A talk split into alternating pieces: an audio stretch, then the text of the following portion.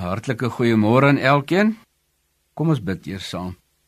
Ag Here, gee dat ons ver oggend meer sal verstaan, beter sal verstaan wat is vergifnis.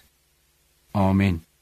Kom ek lees eers die twee verse wat betrekking het in Matteus 6 vers 14 en 15.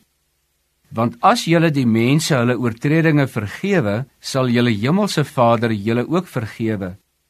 Maar as julle die mense hulle oortredinge nie vergewe nie, sal julle Vader julle oortredinge ook nie vergewe nie.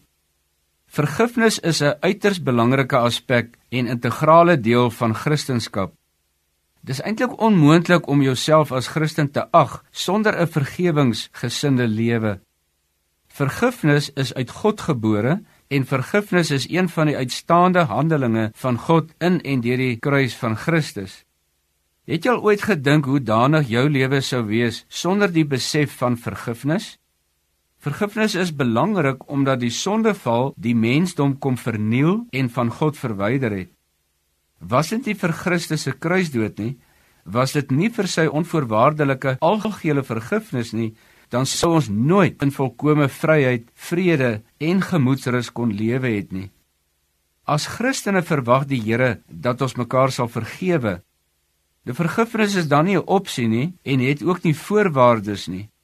Hoor wat sê die Here in Markus 11 vers 25 en 26.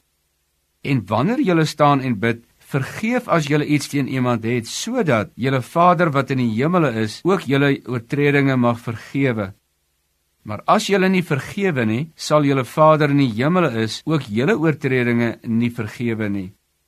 Nou moet ons die vraag vra: Maar het vergifnis perke? Met ander woorde, mag jy tot op 'n punt iemand vergewe en as so iemand volhard, mag ek dan vergifnis staak?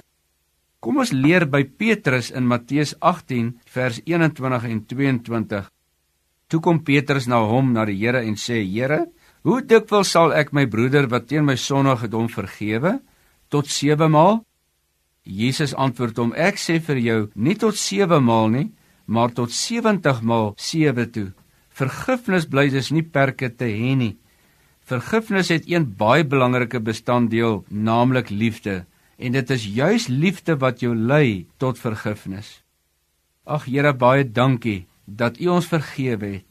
Help vir ons Here dat ons ander sal vergewe omdat ons ook onvoorwaardelik vergewe is.